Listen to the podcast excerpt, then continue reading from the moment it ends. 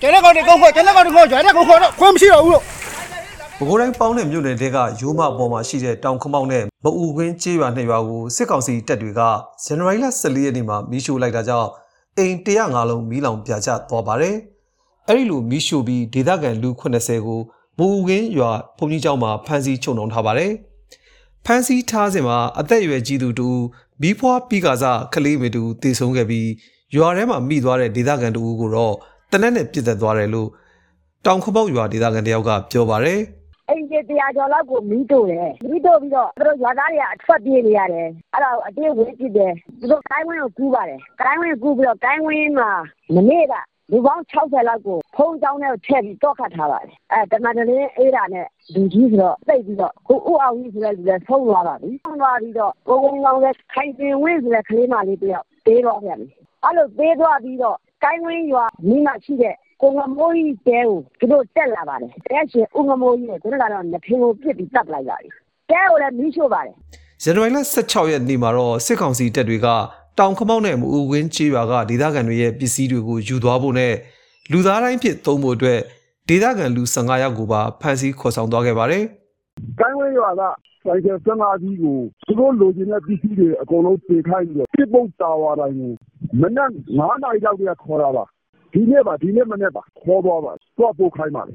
အဒီလားတိုင်းနဲ့တော့ပို့ခိုင်းတာပါအပြစ်ပုတ်တာဝါတိုင်းကို ပြန်ခေါ်သွားပါတယ်ပြစ်ပုတ်တာဝါတိုင်းကနေပြီးတော့ အခုလောလောဆယ် ကျွန်တော်တို့ ကိုင်းဝင်းက ရွာစီရွာသားတွေ ပြန်မရောက်သေးပါဘူး အဲဒီ ခိုင်ရင်ဝဲဆိုတဲ့ အမျိုးသမီးပြည်တာနဲ့ဥအောင်ကြီးပြည်တာနဲ့ အကုန်လုံးပြန်နှုတ်ပေးလိုက်ပါတယ် သူတို့ပြီးတော့သူတို့ကတဝက်ကခွေးကဆန်းကောင်းဖုံးကြီးကြောင်းဘက်ကိုဖြတ်ပြီးသွားပါတယ်တဝက်ကကျန်နေတယ်အခုလည်းတော့ကျွန်တော်ဥမမိုးရဲ့အလောင်းကိုကောက်အောင်ကျွန်တော်ပြန်ပါတယ်ပြန်လာမှကျွန်တော်ဆိုင်ကယ်သုံးစီးနဲ့ပြန်လာမှကျွန်တော်လက်ရည်လက်မကြီးနဲ့ထုလို့ကျွန်တော်နောက်ကျောင်းပြန်ပြီးတော့ဒီတဲမှာပြန်နေရပါတယ်စစ်ကောင်စီတပ်တွေကကိုင်းကွင်းရွာဘက်ကိုရောက်လာပြီးကိုင်းကွင်းရွာဖုန်ကြီးကျောင်းကနေကျောင်းနိုင်ဆရာတော်ကတဆင့်ရွာသားတွေကိုစင့်ခေါ်ခိုင်းလိုက်ပါတယ်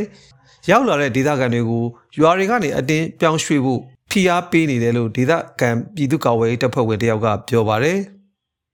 ကိုရီးယားဂိုင်းဝင်းကအထွက်လဲကြဟိုမှမိုင်းဆွဲလိုက်တာမိုင်းကလေးလုံးလုံးကွဲတဲ့ကိုရီးယားအဲ့တော့သူတို့အထိနာသေးတော့အဲ့မှာတွေ့တဲ့ကိုငမိုးကြီးဆိုတဲ့လူကိုတတ်ပစ်ခဲ့လို့အားနေပြီးခန်းကုန်းကိုတပွက်ထွက်တယ်ငမိုးကြီးတဲ့ဘက်ကိုတပွက်ထွက်တယ်ငမိုးကြီးတဲ့ဘက်ကိုထွက်တဲ့ဟာကိုကျွန်တော်တို့ပြည်သူ့ကာကွယ်ရေးဘွယ်တော့ PDF တွေကမိုင်းဆွဲလိုက်တာဟောမိုင်းဝင်းနဲ့တက်တယ်ကြတာပဲမိုင်းဝင်းကလေးလုံးဆွဲလိုက်ရတယ်အာမိုင်းဝင်းလေးလုံးဆိုတော့အထီးလဲနာရောအဲ့ခုနကကိုငမိုးကြီးဆိုတဲ့လူက သူ့တဲကိုပြန်လာတာလားမသိဘူးအာမတွေ့လဲတွေ့တော့တတ်ပြစ်ခဲ့တာမနေ့ကတော့တဲတွေရှို့ပြီးတော့ခုမနေ့အဲ့မိုးကြီးတဲကိုတော့ရှို့ပြစ်ခဲ့တယ်ဒီကိုရွှေပြောင်းနိုင်ဖို့လုပ်နေတဲ့နိုင်ရည်တွင်တို့ပေါက်ပင်ဝင်းတို့ခုကိုင်းဝင်းတို့လေရွှေလေးဒေသရွာတွေကိုခုရွှေခိုင်းနေတယ်ရွာတွေကနေခုမောင်းထုတ်ခံနေရတာပေါ့ပေါင်းတဲ့မြို့နယ်တွေကတောင်ခမောက်ရွာကိုပြီးခဲ့တဲ့ဇန်နဝါရီလ၄ရက်နေ့ကလည်းတစ်ကြိမ်မီးဝင်ရှို့ခဲ့တာကြောင့်အိမ်22လုံးနဲ့ဇပကြီးနှလုံးမီးလောင်ပြာကျခဲ့ပြီးအခုကဒုတိယအကြိမ်မအူခင်းရွာကအိမ်33လုံး